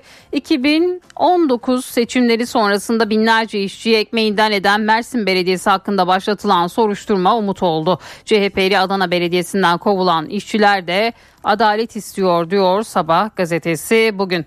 Savunma sanayinde zirvenin rotası çizildi bir diğer başlık. Erdoğan başkanlığında toplanan Savunma Sanayi İcra Komitesi'nde 2024 hedefleri masaya yatırıldı. Toplantıda savunma sanayinin eriştiği seviye, gelecek hedefleri ve kritik projelere ilişkin değerlendirmelerde bulunuldu. Uçak gemisi tasarımı, yeni nesil hücum bot ve mayın tarama gemisi inşası, Kaan Hürkuş, Gökbey'in faaliyetlerine yönelik projeler ve yeni İHA SİHA'ların envantere eklenmesi kararları alındı deniliyor bugün sabah gazetesinde. En düşük memur maaşı 32.861 lira bir diğer haber. 6 aylık enflasyon 37.57 oranında açıklandı. Emekli ve memur zamları da belli oldu. SSK ve Bağkur emeklisine %37.57, memur ve memur emeklisine de 49.25 zam yapıldı ve yine bu haberde bugün sabah gazetesinde yer aldı. İran'da çifte terör saldırısı 95 kişi öldü bir diğer başlık. İran'da Kasım Süleymani'nin Kirman'daki mezarının yakınlarında ölüm yıl dönümü dolayısıyla düzenlenen törende ard arda iki patlama meydana geldi. Patlamada en az 95 kişi öldü, çok sayıda yaralı var. Patlamaların ardından Mossad'ın olup olmadığı merak ediliyor deniliyor ve bu haberde yine bugün sabahın ilk sayfasında yer buluyor. Hürriyetle devam ediyoruz. Kırık cepten neler çıktı manşetini atıyor bugün Hürriyet gazetesi. Fon dolandırıcısı Seçil Erzan'ın yazışmaların bir kısmını sildikten sonra kırdım dediği cep telefonu deşifre edildi. Telefonda 180 bin yazışma çıktı. Yazışmalarda daha önce gündeme gelmeyen birbirinden ilginç konular yer aldı. Erzan'la Fatih Terim'in yazışmalarının en eskisi 4 Ekim 2021'e ait. Erzan Terim'in 2.1 milyon lira olan maaşının bir bölümünü fona aktarıyor. Terim olur veriyor. Erzan'ın Terim'in avukatı Candaş Gürol'la nişanlıyken Atilla Baltaş'la da aşk yaşadığı anlaşılıyor. Erzan Baltaş için beni kaçırmak istedi tefecidir demişti. Seçil Erzan eski futbolcu Semih Kaya ve menajeri Fırat Özdemir için beni tehdit ettiler. Yazışmalar kırık telefonda demişti. Bu yönde yazışmalara rastlanmadı. Erzan Umre'ye giden Arda Turan'a 350 bin doların hazır olduğunu bildiriyor. Arda Turan'dan 100 binle çarp sevap o kadar Kabe'deyken verdin ya yanıtını veriyor. Yazışmalara göre fona para kaptıranlar paralarını geri almak için yeni kurbanlar arıyor. Arda Turan, Hasan Balta ve Tolga Ağrı fona öneriyor. Erzan reddediyor diyor bugün Hürriyet gazetesi. İşte memur ve emekli maaşları bir diğer başlık. TÜİK yıllık enflasyonu %64.77, Temmuz Aralık enflasyonunu %37.57 açıkladı. Hürriyet okurları için yeni oranlara göre memur, memur emeklisi, işçi bağ kurulu ve tarım emeklilerinin yeni maaşlarını hesapladık diyor Noyan Doğan imzalı haber bugün yine Hürriyet gazetesinde yer buluyor. Bir diğer başlıkla devam edelim. Şampiyon melekler için dava kapısında. 6 Şubat depreminde Adıyaman'da yıkılan İsiyas Otel'de aralarında 35 Kıbrıslı sporcu gencinde bulunduğu 72 kişi hayatını kaybetmişti. Otelle ilgili dava dün Adıyaman'da başladı. Hakim karşısına çıkan otelin sahibi Ahmet Bozkurt binanın depremin büyüklüğü nedeniyle yıkıldığını öne sürerek iddiaları reddetti. Duruşturma öncesin, e, duruşma öncesinde Şampiyon Melekler adı verilen ölen çocukların yakınları ellerinde pankartlarla mahkeme önünde eylem düzenledi. Eyleme Haluk Levent de katıldı. Bayraktar gelir vergisi rekortmeni Hürriyet gazetesinin ilk sayfasında yer alıyor bu başlıkta. Gelir İdaresi Başkanlığı 3 yıldır açıklanmayan vergi rekortmenlerini dün duyurdu. Baykar Yönetim Kurulu Başkanı Selçuk Bayraktar 2021 ve 2022'de gelir vergisi birincisi oldu. Bayraktar'a 2021'de 153 milyon lira, 2022'de 564 milyon lira vergi tahakkuk etti. Rekortmenler listesinde 2022'de Rahmi Koç 3, Mehmet Sinan Tara 8, İpek Kıraç 9, Ömer Koç ise 10. sırada yer aldı. Listenin 2, 4, 5, 6. ve 7. sıradaki isimlerinin e, açıklanmasını istemedi. 100 kişilik listede 76 mükellef ismini gizli tutmayı tercih etti diyor bugün Hürriyet gazetesi. İzmir'de CHP yeni bir anket yaptırıyor. Bir diğer başlık İzmir Büyükşehir Belediye Başkanlığı için CHP'deki aday tartışmaları sürüyor. İzmir için anket yapılmıştı ama parti yönetimi yeni bir anket yapma kararı aldı. Mevcut Başkan Tunç Soyer'in bu yeni anketten duyduğu rahatsızlığı yönetime aktardığı biliniyor. İzmir'de başkanlığa Soyer dışında talipler de var. Buğra Gökçe, Atilla Sertel, Musa Çam, Taceddin Bayır, Abdülbatur, Cemil Tugay, Olgun Atilla resmi başvuru yapanlar arasında Alaaddin Yüksel'in de adı geçiyor deniliyor ve yine bu başlıkta Hürriyet gazetesinin ilk sayfasında yer buluyor. Milliyetin manşeti Orta Doğu'nun ortasında savaş ayarlı bombalar bir e, manşeti bugün Milliyet gazetesinde yer buluyor. İsrail'in Hamas liderlerinden Aruri'yi Beyrut'ta öldürmesinden bir gün sonra İran'da Kasım Süleymani'nin mezarı başında tören e, mezarı başındaki tören de hedef alındı. 103 ölü diyor bugün Milliyet gazetesi. Bir diğer başlık Türkiye uçak gemisi inşa edecek. Türkiye savunma sanayi alanında büyük çaplı deniz projelerine ağırlık verecek. Cumhurbaşkanı Erdoğan başkanlığında toplanan Savunma Sanayi İcra Komitesi'nde dünyanın ilk SİHA gemisi olarak tanımlanan çok maksatlı amfibi gemi TCG Anadolu'nun donanmanın hizmete girmesinin ardından uçak gemisi inşasında tasarım aşamasına geçilmesi kararı alındı ve yine bu haberde bugün Milliyet Gazetesi'nin ilk sayfasında yer aldı. Emekliler aynı oranı bekliyor diyor Cem Kılıç. Memur ve memur emeklileri yılın ilk 6 ayı için %49.25'lik bir zam alırken SSK ve Bağkur emeklileri %37.57 zam alacak. Hükümetin hoşnutsuzluğa sebep vermemek adına tüm emeklilerin artış oranını en yüksek düzeyde birleştirmesi beklenebilir denilmiş. Bugün yine Cem Kılıç'ın yazısının bir kısmı da Milliyet'in ilk sayfasında yer buluyor. Sahibinden büyük hata bir diğer başlık. Türkiye'nin en büyük ilan sitelerinden sahibinden.com'a dün gece yarısından itibaren erişilemedi. Şirketten yapılan açıklamada alan adı sağlayan firmayla sorun yaşandığı belirtildi. Sitenin domain süresini uzatmayı unutup ödemesini geciktirince adresinin boşa düştüğü ve Amerikalı bir şirket tarafından satın alındığı öne sürüldü. Sorun dün akşam saatlerinde giderildi. Hızlı ve yaşlı kuşak bir diğer başlık Z kuşağının neden yaşlarından daha büyük göründüğü sorusunun yanıtını arayan güzellik uzmanları bunun erken estetik uygulaması ve elektronik sigara alışkanlığı gibi etkenlerden kaynaklandığını söyledi. Genç yaşta aşırı gereksiz dolgu maddesi ve toksin uygulamaları doğal yüz gelişimini olumsuz etkiliyor diyor bugün Milliyet gazetesi.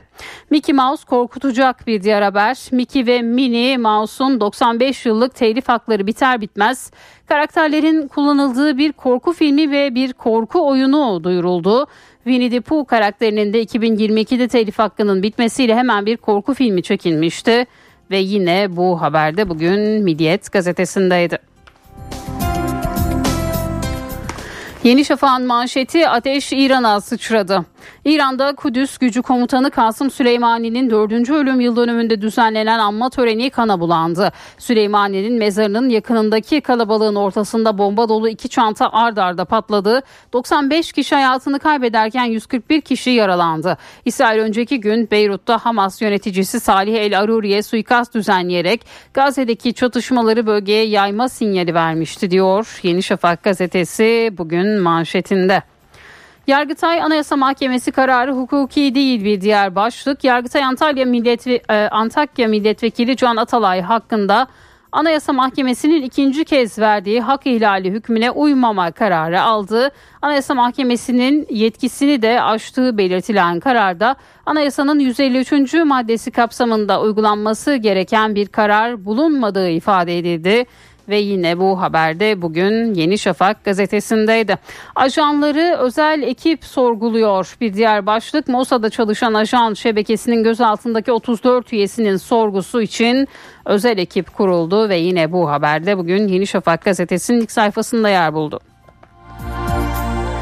Posta hanginize sıkayım dedi ve mermi meleğin kafasında patladı manşetini atıyor. İstanbul'da yılbaşı gecesi Ercan Demir dışarı çıktığı iki kız arkadaşına hava atmak için otomobilin içinde silah doğrultarak hanginize sıkayım dedi. Silah o anda ateş aldı. Başından vurulan 17 yaşındaki Melek Nur Özgöner ölümle pençeleşiyor deniliyor. Bugün bu haberde postada yer buluyor. Balon balığı yiyen aile zehirlendi bir diğer haber. Hatay İskenderun'da denizden tuttuğu balon balığını eve yemeğe getiren Müfit Arslan'la e, Müfit Arslan aile faciasına yol açtı. 7 kişilik aileden Müfit Arslan entübe edildi. İkisi çocuk 6 kişi zehirlendi. Yemek sonrası Arslan'la eşi Semire, kızları Yasenya, Dilan'la damadı Gökyüzü Göktürk Torunları Aren Arslan ve Eva Göktürk kusmaya başladı. Dudaklarda uyuşma, titreme, bulantı ve bilinç kaybı yaşayan aile fertleri halen tedavi altında deniliyor postada bugün. Cumhuriyet'in manşeti hukuk bitti. Yargıtay 3. Ceza Dairesi Anayasa Mahkemesi'nin tip milletvekili Can Atalay ile ilgili verdiği ikinci hak ihlali kararına da uymadı. Atalay'a tahliye çıkmadı. Anayasa Mahkemesi'nin tutumunun jüristokratik yani yargıç iktidarı bir davranış olduğu öne sürüldü. İhlal yönündeki kararlara uyulmasına yer olmadığına hükmedildi ve yine bu haberde bugün Cumhuriyet'in manşetindeydi. Orta Doğu yanıyor bir diğer başlık İsrail Gazze'ye saldırılarını sürdürürken Lübnan'da Hamas'ın iki numaralı ismi Salih El Aruri öldürüldü.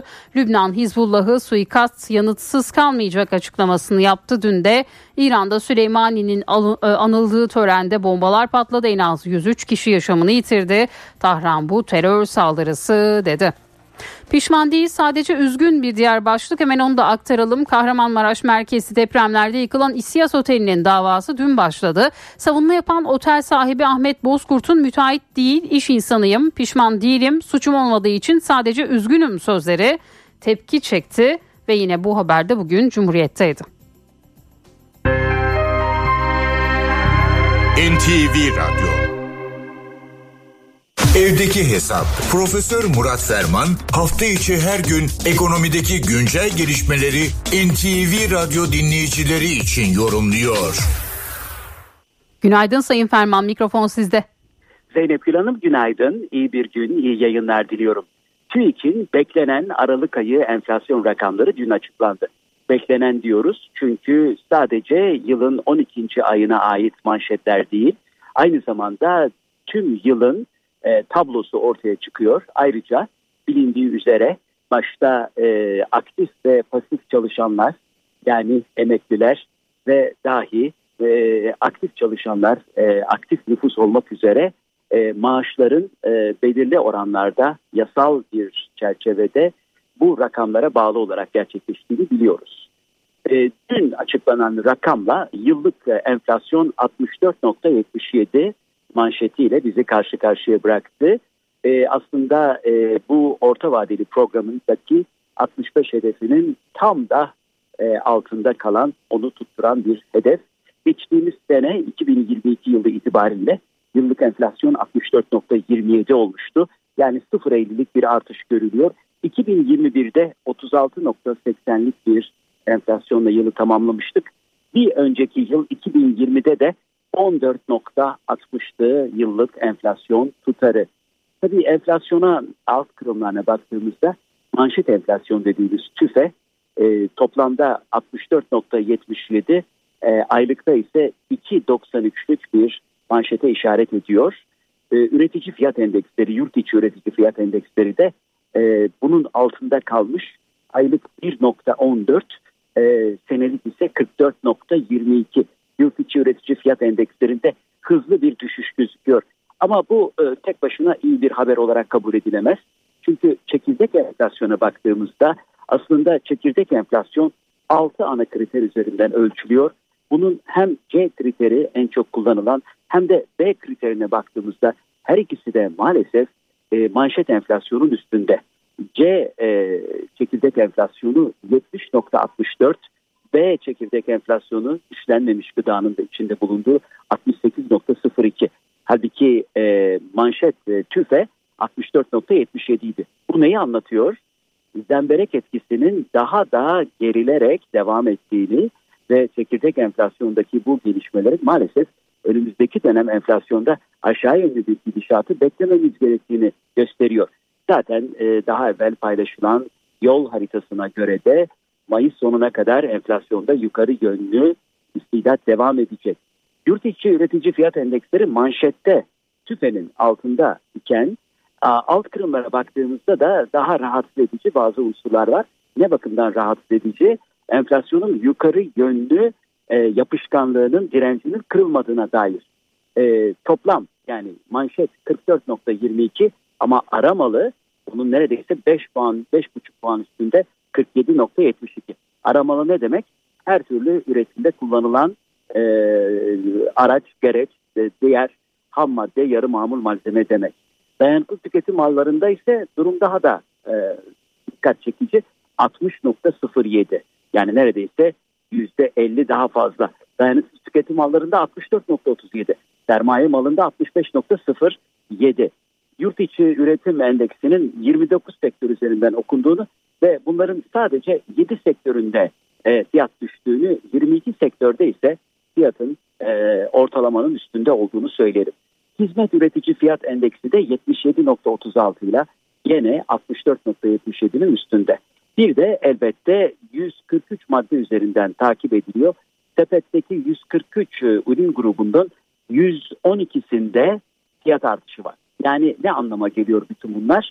E, piyasa aktörleri fiyatları arttırma konusunda ellerini hiç de korkak alıştırmamışlar. Buna da devam ediyorlar. Esasen enflasyonla ilgili bu manşetler bizi şaşırtmadı.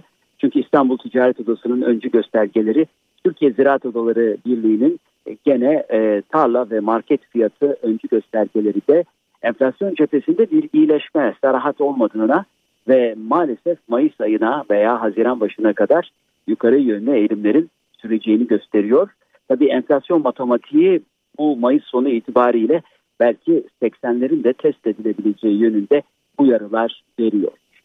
Bu genel değerlendirme ve bilgi paylaşımı çerçevesinde değerli dinleyenlerimize katma değeri yüksek ve yüksek katma değerli bir gün diliyor.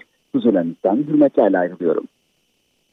Profesör Murat Ferman'la evdeki hesap sona erdi. Kaçırdığınız bölümleri www.ntvradio.com.tr adresinden dinleyebilirsiniz. Dünya markası Bras çatı sistemleri finans bültenini sunar.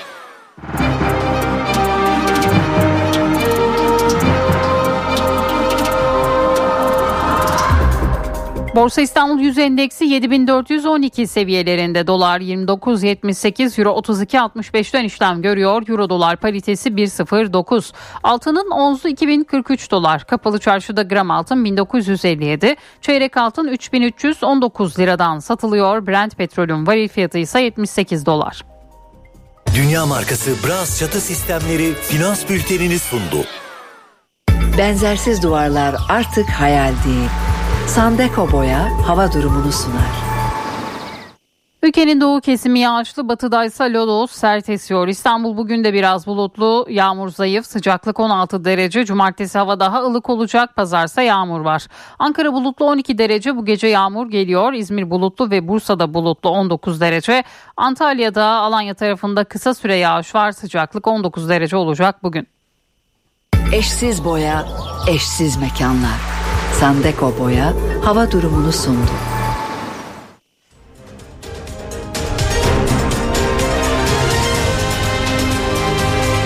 NTV Radyo Araç takipte liderlerin tercihi Mobiliz risk haritasını sunar. Mobiliz. Ülke genelinde önemli bir yağış yok. Sabahları ayaz üşütecek. Gün içinde görülecek sis, pus, hava kirliliğine yol açıyor. Solunum yolu rahatsızlığı olanlar mecbur kalmadıkça dışarı çıkmamalı. Kar doğunun yüksek yerlerinde yerini don ve buzlanmaya bıraktı. Tedbirli olunmalı. Araç takipte liderlerin tercihi Mobiliz risk haritasını sundu. Mobiliz. Doğa takvimi Bugün 4 Ocak 2024 Perşembe NTV Radyo iyi günler diler. Güne doğayı dinleyerek başlamak önemli. Doğayı ve bedeninizin doğaya verdiği tepkiyi fark edin. Saç tellerinizin dikilmesi, el ve kolda uyuşukluk olması havadaki elektrik yükünü işaret eder. Yani yıldırım tehlikesi olabilir. Tehlikenin yakınlığını anlamak için yapacağınız basit hesabı dün radyoda doğa takviminde kaçırdıysanız podcast kayıtlarından dinleyebilirsiniz. Bugün açık alanda yapılması gerekenler için hafızamızı tazeleyelim. Öncelikle cep telefonunu kapatın. Üstünüzde şemsiye, anahtar ve benzeri metal eşyalar varsa bir yere koyun ve onlardan uzaklaşın. Metal direk, akan su, tek başına veya diğerlerinden uzun ağaç ve direğe yaklaşmayın. Peki ağaçlık alandaysanız ne yapacaksınız? Hangi ağacı seçeceksiniz? Halk meteorolojisi tecrübesine göre denir ki meşeye dikkat et, yıldırımı çeker. Diş budaktan kaç, şimşeği sever. Alıç ağacının altına gir, göreceğin zararı keser. Amerika Birleşik Devletleri ve Almanya'da yapılan araştırmalar bunu doğruluyor. En çok yıldırım düşen ağaçlar arasında ilk sırada meşe, ikinci sırada diş budak var. Alıç gibi kısa ağaç yoksa çam ağacı, kayın, ladin de olur. Doğa takvimi.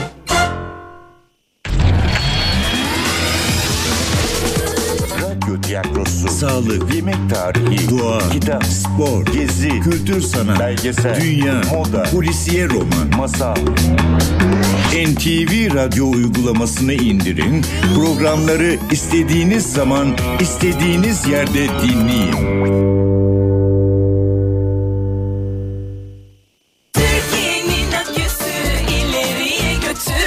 Yiğit Akü yol durumunu sunar. Karayolları Genel Müdürlüğü duyurdu. Aydın Denizli Otoyolu'nun 9-12. kilometrelerinde ve Tak Otoyolu'nun Bahçe Nurdağ kavşakları 1-5. kilometrelerinde yol bakım çalışmaları yapıldığından ulaşım kontrollü olarak sağlanıyor. Sürücüler dikkatli seyretmeli. Yiğit Akü yol durumunu sundu.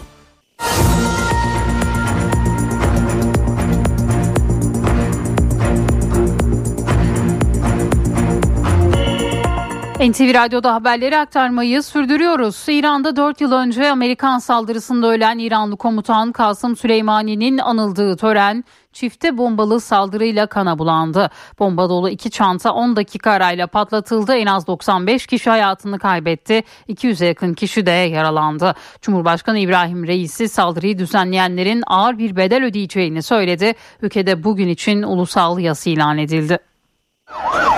İki çanta 10 dakika arayla patladı. İran Devrim Muhafızları Kudüs Gücü Komutanı Kasım Süleymani anma töreni kana bulandı. İran terör saldırılarıyla sarsıldı. Ülkenin güneydoğusundaki Kirman kentinde Kasım Süleymani'nin Amerika Birleşik Devletleri saldırısı sonucu öldürülmesinin dördüncü yıl dönümü nedeniyle anma törenleri düzenleniyordu. İran'ın birçok kentinden binlerce kişi de Kirman'a akın etmişti. Saldırılar Süleymani'nin kabrinin de bulunduğu mezarlığa giden yolda gerçekleşti. İlk patlama Süleymani'nin mezarına 700 metre mesafede meydana geldi. Bölgede büyük bir panik yaşandı. 10 dakika sonra ise ikinci patlama sesi geldi. Olay yeri bu defa Süleymani'nin mezarına 1 kilometre mesafedeydi. Patlamaların ardından ortalık kan gölüne döndü. Ölü ve yaralı sayısı hızla arttı. İranlı yetkililer olayı terör saldırısı olarak nitelendirdi. Yarı resmi Teslim Haber Ajansı da fail ya da faillerin bölgeye iki ayrı bomba bıraktığı ve uzaktan patlattığını duyurdu. Ölenler arasında çocukların da olduğu belirtiliyor. İran Yargı Erki Başkanı Gulam Hüseyin Musini Ece'yi bu suçun failleri cezalandırılacak açıklaması yaptı. Saldırıları üstlenen olmadı. İran Cumhurbaşkanı İbrahim Reisi bugün Ankara'ya gelecekti. Reisinin ziyareti ertelendi. Karar Cumhurbaşkanı Erdoğan'ın reisiye başsağlığı telefonu için aradığında alındı. Cumhurbaşkanı Recep Tayyip Erdoğan görüşmede reisiye Kirman'daki terör saldırısı nedeniyle başsağlığı dileklerini iletti. Sivilleri hedef alan terör saldırısını kınayan Cumhurbaşkanı Türkiye'nin terörle mücadelede İran'ın yanında olduğunu söyledi. İran'a terörle mücadelede ortak hareket etme çağrısını da yineledi. Görüşmede İran Cumhurbaşkanı İbrahim Reisi'nin Türkiye ziyaretinin ileri bir tarihe ertelenmesi de kararlaştırıldı. Amerikan Dışişleri Bakanı Antony Blinken ise cumartesi günü Türkiye'ye geliyor. Açıklamayı Dışişleri Bakanı Hakan Fidan yaptı. Ankara'da gazetecilerle bir araya gelen Fidan, dış politikanın sıcak başlıklarına dair önemli değerlendirmelerde de bulundu. Amerika Birleşik Devletleri Dışişleri Bakanı Antony Blinken iki ay içinde ikinci kez Türkiye'ye gidiyor. Dışişleri Bakanı Hakan Fidan, Blinken'ın 6 Ocak Cumartesi günü Türkiye'de olacağını açıkladı. Blinken'ın cumartesi seyahati olacak. Benim misafirim olarak Türkiye'ye gelecek. Bir değişiklik olmazsa misafirimiz olarak geliyor. Cumhurbaşkanımızın şu anda planlanan bir seyahati yok. Yani üzerinde konuştuğumuz seyahat yok şu anda. Basın kuruluşlarının Ankara temsilcileriyle bir araya gelen Fidan'ın gündeminde İsrail'in Gazze'ye yönelik saldırıları da vardı. Fidan, İsrail'e destek veren Batı ülkelerini sert bir dinde eleştirdi. Bu iki yüzlü tavır sistem için ciddi kırılmalara zemin hazırlıyor dedi. Şu anda alınan tavırlar dostluktan ya da düşmanlıktan alınmıyor, çaresizlikten alınıyor. ABD'nin ya da bazı batılı ülkelerin İsrail'e kayıtsız şartsız destek vermeleri ciddi bir sorun. Gazze'de yaşananlar Batı'nın ve Avrupalıların bütün biriktirdikleri krediyi bir anda kaybetmelerine yol açtı. Ukrayna-Rusya meselesindeki tavırlarının tersine Gazze konusunda bambaşka bir yerde durmaları iki yüzlülüğün tavan yaptığı yerdir. İlke erdem ve ahlaktan bahsedemiyorlar. Fidan'a İsrail'in Lübnan'da Hamas liderlerinden Salih Auri'yi öldürmesi de soruldu. Ben İsraillilerin Lübnan'la savaşa girmemek için kendilerini zor tuttuğunu düşünüyorum. Bu yol çıkmaz sokaktır. Öyle bir şey olursa bu savaş tabii ki bitmez. Bir Hizbullah hedefini, Hizbullah yöneticisini vurmuyorlar. Ama Lübnan'a ben senin üstünde uçuyorum, takip ediyorum mesajını veriyor. Fidan, Milli İstihbarat Teşkilatı ve Emniyet'in Mossad'a yönelik operasyonunu da değerlendirdi. Milli İstihbarat Teşkilatı'nda çok ciddi reformlar yapıldı. Şimdi görüyorsunuz sonuçlarını belli ülkelerde. Yeni metotların inanılmaz şekilde geliştirilmesi gerekiyor. Türkiye bu alanda çok ilerleme kaydetti. Şu anda İbrahim Bey de iyi çalışıyor. Sistem devam ediyor. Terör şebekelerinin vurulduğunu ve casus servislerin yakalandığını görüyoruz. Ve Suriye ile ilişkiler. Bakan Fidan, Suriye'de temasların çeşitli boyutlarda devam ettiğini söyledi. Direkt oluyor, dolaylı oluyor, daha farklı seviyelerde oluyor. Ama orada birinci öncelik rejimle muhalifler arasında yeni bir çatışma alanı çıkmaması diye konuştu. Amerika Birleşik Devletleri'nden Türkiye'ye F-16 satışına dair yeni bir açıklama var. Dışişleri Sözcüsü konuya ilişkin kongrede bazı sorunlar olduğunu ve hassas şekilde çalıştıklarını belirtti. Amerikan Dışişleri Bakanlığı Sözcüsü Matthew Miller günlük basın toplantısında konuştu. Meclis Dışişleri Komisyonu'nda İsveç'le ilgili tasarının geçmesini memnuniyetle karşıladıklarını söyledi. Genel kuruldan da geçmesini beklediklerini belirtti. Bazı kongre üyelerinin F-16 satışına itirazlarına da değinen sözcü F-16 toplantılar dahil iki ülkeyle ilgili konular üzerinde hassas şekilde çalıştıklarını belirtti. Sözcü Miller, F-16 satışına ilişkin kongreye resmi bildirimin ne zaman yapılacağına dair ise yorum yapmadı. Amerika Birleşik Devletleri'nden F-16 alım süreci, İsrail'in Gazze saldırıları ve Türkiye-Yunanistan ilişkileri. Milli Savunma Bakanı Yaşar Güler'den bu başlıklarda önemli açıklamalar geldi. Milli Savunma Bakanı Yaşar Güler, Amerika Birleşik Devletleri ile yürütülen F-16 görüşmeleri hakkında önemli mesajlar verdi. Washington yönetiminin süreci uzatmaması gerektiğini söyledi.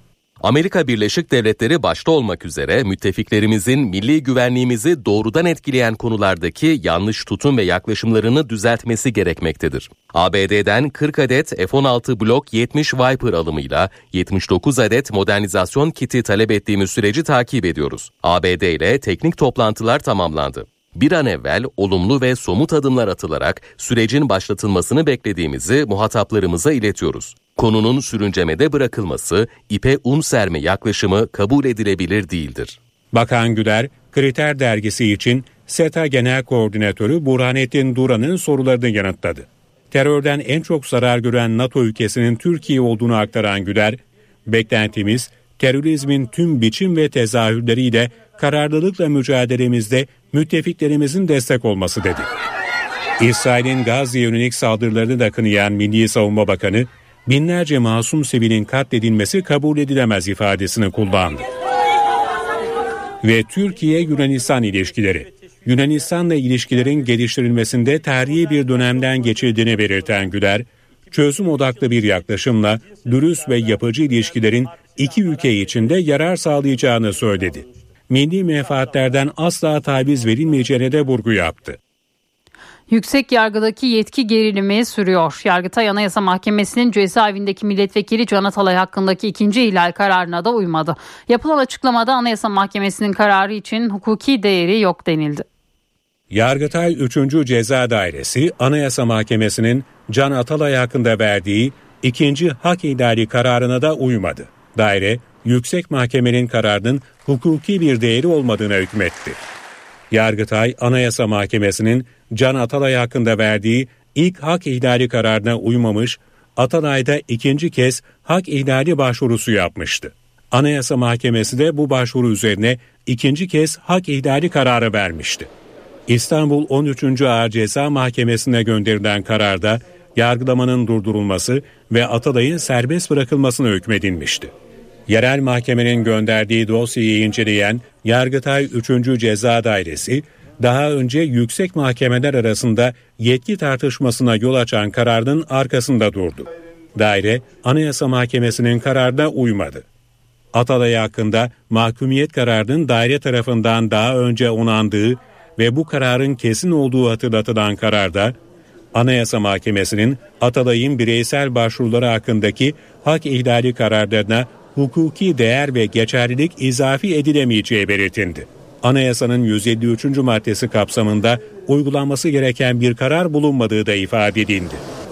Daire, hak ihlaline uyulması durumunda haklarında kırmızı bülten bulunan ve henüz hüküm giymemiş Fethullah Gülen, Adil Öksüz, Murat Karayılan gibi terör suçlularının da milletvekili seçilme durumunun olabileceğine de dikkat çekti. Kararın gerekçesinde yer alan juristokrasi yani yargıçlar iktidarı ifadesi de dikkat çekti. Kararda dairemiz adeta juristokrasiyi andırır şekilde yorumla anayasa hükümlerinin uygulanamaz hale getiren keyfi kararlar verilmesi ve bu keyfiliği denetleme konusundaki yasal boşluğa dikkat çekmiştir denildi. NTV Radyo Aralık ayı enflasyonu %2,93 oldu. Yıllık enflasyonsa %64,7 olarak gerçekleşti. Enflasyon rakamının açıklanması sonrası memur ve emeklilerin alacakları zam da netleşti. Ücret artış oranı memur ve memur emeklisi için %49,25, SSK ve Bağkur emeklisi için %37,56 oldu. En düşük memur maaşı 31 bin liraya yaklaştı.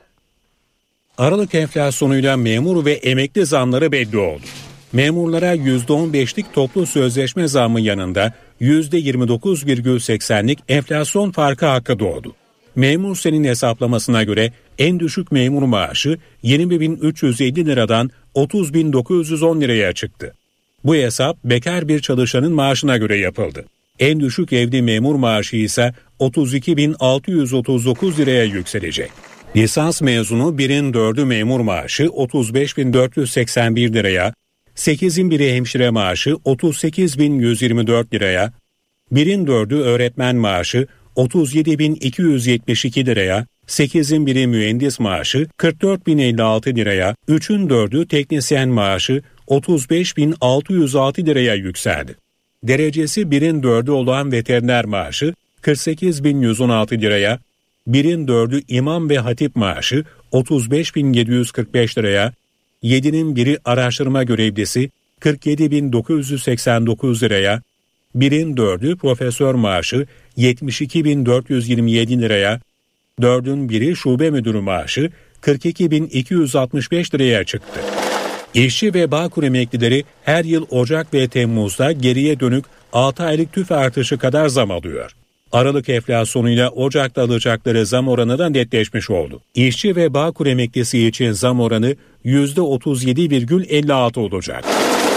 Memur maaşlarına gelen zamla birlikte bedelli askerlik ücreti de arttı. Bedelli askerlik %42,95 artışla 122.351 liradan 182.608 liraya çıktı. Memurlara yapılan zammın belli olmasıyla kıdem tazminatı tavanı da değişti. 2024 yılının Ocak-Haziran döneminde tavan 35.057 lira olarak uygulanacak. Akaryakıt fiyatlarına otomatik ÖTV artışı nedeniyle fiyat artışına gidildi. Akaryakıt ÖTV'sine %25,6 zam geldi. Diğer yandan alkollü içkilerden alınan ÖTV tutarı da %25,6 oranında artırıldı. 1 litre 95 oktanlı benzinden alınan ÖTV tutarı 7 lira 52 kuruştan 9 lira 45 kuruşa çıktı. Bu artışla benzinde KDV dahil 2 lira 31 kuruş, motorinde 2 lira 17 kuruş, otogazda 1 lira fiyat artışı oldu. Diğer taraftan alkollü içkilerden alınan ÖTV tutarı da aynı oranda artırıldı dedik. Buna göre 1 litre rakıda halen 449 lira olan ÖTV tutarı 478 liraya çıkacak.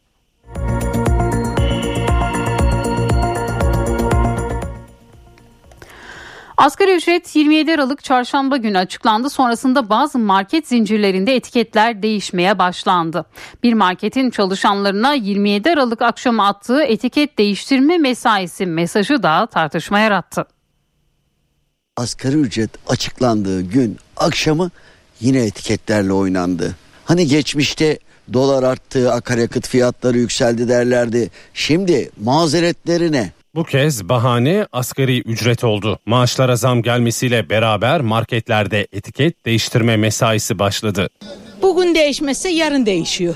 Akşamdan sabah. Son birkaç gündür zincir marketlerdeki fiyat değişiklikleri dikkat çekmeye başladı. Saat gece 20 e, sularında zincir marketlerde çalışanlara, müdürlerine mesaj gönderilerek fiyat etiketi için mesaiye kalınması ve personel ayarlanması istendi.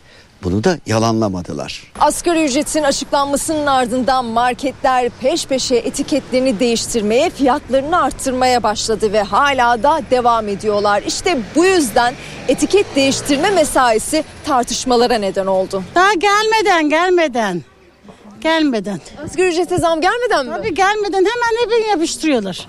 Geldikten sonra? Geldikten sonra daha çok. Daha çok.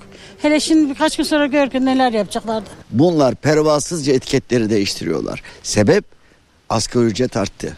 İyi asgari ücret arttı da daha o asgari ücret vatandaşın cebine girmedi. İşin kötü tarafı şudur.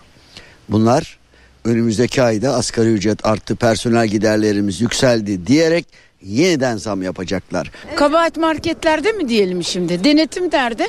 Tüketici Konfederasyonu Başkanı Aydın Ağoğlu da bu konuya dikkat çekti. Denetimlerin artırılması ve cezaların caydırıcı olması gerektiğinin altını çizdi. Ticaret Bakanlığı'nın uyguladığı cezalar rekabet kurumunun yaptığı gibi ciro üzerinden hesaplanmalı. 500 bin liralık bir ceza mahalle bakkalını manavın esnafını batırır. Ama binlerce mağazası olan bir zincir market için belki birkaç dakikalık bir cirosu tutarındadır. Cezalar ciroyla orantılanmalı, ifşa edilmeli, ısrarla yapıyorsa kapatma getirilmeli, o zamları ısrarla devam ettiriyorsa kapatmaya rağmen ebediyen ticaretten men edilmelidir. Adıyaman'daki İSİAS Oteli 6 Şubat'taki deprem felaketinde aralarında voleybolcu çocukların da olduğu 72 kişiye mezar oldu. Davanın ilk duruşmasında otel sahibinin savunması alındı. Sanığın söylediklerine tepki var. Biz işimizi doğru yaptık. 850 bin bina nasıl yıkıldıysa benim binam da öyle yıkıldı dedi. Mimarlarım, mühendislerim ve ben işimizi doğru yaptık. Asın felaketinde 850 bin bina nasıl yıkıldıysa benim binam da öyle yıkıldı. Bu ifadeler 6 Şubat'taki depremlerde 72 kişinin hayatını kaybettiği İSİAS Oteli'nin sahibi Ahmet Bozkurt'a ait. Adıyaman'daki otel felaketin sembollerinden biriydi. Ölenler arasında Kuzey Kıbrıs Türk Cumhuriyeti'nden voleybol turnuvası için gelen sporcu, öğretmen ve antrenörlerin yanı sıra Türkiye Turist Rehberleri Birliği üyeleri de vardı. Adıyaman'daki İSİAS Oteli davasında toplam 11 sanık yargılanıyor ve bunlardan 5'i tutuklu. Bilinçli taksirle birden fazla kişinin ölümüne ve yaralanmasına sebebiyet vermekle suçlanıyorlar ve duruşma sürecinin uzun sürmesi bekleniyor. Sanıklar hakkında 22 yıl 6 aya kadar hapis cezası isteniyor. Buraya adalet arayışı için geldik. Türkiye Cumhuriyeti'nin adaletine güveniyoruz. Yani e, burada çocuklarımıza yaşam hakkı vermedi bu otel. Yani bilinçli taksir değil olası kasla yargılanmalarını istiyoruz. İddianamede yapının 1991 yılında apartman olarak inşa edildiği, daha sonra ruhsatsız ve kaçak kat eklendiği, inşaatta dere kumu kullanıldığı belirtildi. Ayrıca binada kullanılan malzemenin kalitesinin yetersiz olduğu ve yönetmeliklere uyulmadığına yer verildi. Davanın ilk duruşmasına depremde hayatını kaybeden 25 öğrencinin acılı aileleri Kuzey Kıbrıs Türk Cumhuriyeti Başbakanı Ünal Üstel ve sanatçı Haluk Levent de katıldı. Çıkacak netice hem Türkiye açısından diğer davalara emsal açısından çok önemlidir. Hem de bizim Kuzey Kıbrıs Türk Cumhuriyeti olarak çok önemlidir. Biz Türkiye Cumhuriyeti'nin yüce Türk adaletine güveniyoruz. Çocuklarımız için annelerinin, ailelerinin yaptığı mücadeleyi Kıbrıs'ta da şahit oldum. Gittim ve onlara söz vermiştim. Ve bugün onların yanında olmaya gayret gösterdim. Bundan sonra da yanlarında olacağım. Duruşmada otel sahibi Ahmet Bozkurt'un savunması alındı. Bozkurt, ben Adıyaman'ın önde gelen isimlerinden olduğum için bana iftira attılar dedi. Olayda hiçbir kusuru olmadığını öne süren sanık, o gün kar yağmasaydı biz de çocuklarla otelde kalacaktık ifadesini kullandı. Ahmet Bozkurt'a kolonların yukarıya doğru inceldiği yönündeki bilirkişi raporu da soruldu. Sanık konunun teknik bir mesele olduğunu ve bilmediğini öne sürdü. Yıkılan otelde 32 rehberde yaşamını yitirdi. İstanbul Rehberler Odası Başkanı da davanın takipçisi olacaklarını söyledi. Asıl beklentimiz şudur ki e, öyle bir karar çıksın, öyle bir emsal olsun ki bundan sonra e, bir inşaat yapan, bir e, bina yapan birisi tek çivi çakarken bile uzun uzun düşünsün. Türkiye kıyıları sıra dışı bir rekor denemesine sahne oluyor. Fenerbahçe Doğuş Yelken takımı sporcuları hiç motor kullanmadan Artvin'den İskenderun'a kadar gitmeyi hedefliyor. Dün yola çıkan ekibin ilk hedefi önümüzdeki hafta başlayacak olan kar fırtınasından önce Karadeniz'i geçmek. Soğuk hava, fırtına ve dev dalgalar. Onlar tüm bu olumsuz şartları göze aldılar ve denize yelken açtılar. Fenerbahçe Doğuş Yelken sporcuları Türkiye kıyılarını rekorla geçen ilk takım olmak için Artvin'den denize açıldı. Ekip Ateş Çınar, Barış Koncagül, Doğukan Kandemir ve Evren Koncagül'den oluşuyor. Yelkenciler hiç motor kullanmadan 1600 mil yol kat edip Türkiye kıyılarının diğer ucu İskenderun'a varmayı amaçlıyor. 10 gün minimum denizde kalacağız. Şu an için bir planımız var e, nelerle karşılaşacağımıza dair ama e, muhtemelen e, düşündüklerimizden çok daha fazlasını yaşayacağız. Heyecanlıyız. Biz bu yola çıkarken mutlaka en az bir fırtınayla karşılaşacağımızı biliyorduk. Ee, şu anda Karadeniz'de bu fırtınaya geçecekmişiz gibi gözüküyor ama kendimizi en kısa sürede Ege'ye atıp e, o ayın 10'unda gelmesi planlanan kar fırtınasından, fırtınasından da kaçmayı planlıyoruz. Ekibin deneme için kış aylarını tercih etmesinin nedeni ise kuvvetli rüzgarla daha hızlı yol almak istemeleri. Tabii ki de kış şartları biraz ağır olsa da ona göre teknemizi hazırladık, kendimizi de hazırladık. Artvin Hopa Limanı'nda Türkiye Yelken Federasyonu'ndan görevlendirilen bir hakem teknedeki son kontrolleri yaptı. Teknenin motorunu mühürledi ve şimdi Fenerbahçe Doğuş Yelken sporcuları rekor kırmak için birazdan yola çıkacaklar. Karadeniz'in ilk etabını gece seyrederek geçecekler ve ilk hedef Sinop İnceburnu'na ulaşmak. Fenerbahçe Doğuş Yelken sporcuları Artvin'den Hatay'a yapacakları zorlu denemeyle Türkiye'de olimpik yelkenci yetişmesi için farkındalık yaratmayı amaçlıyor.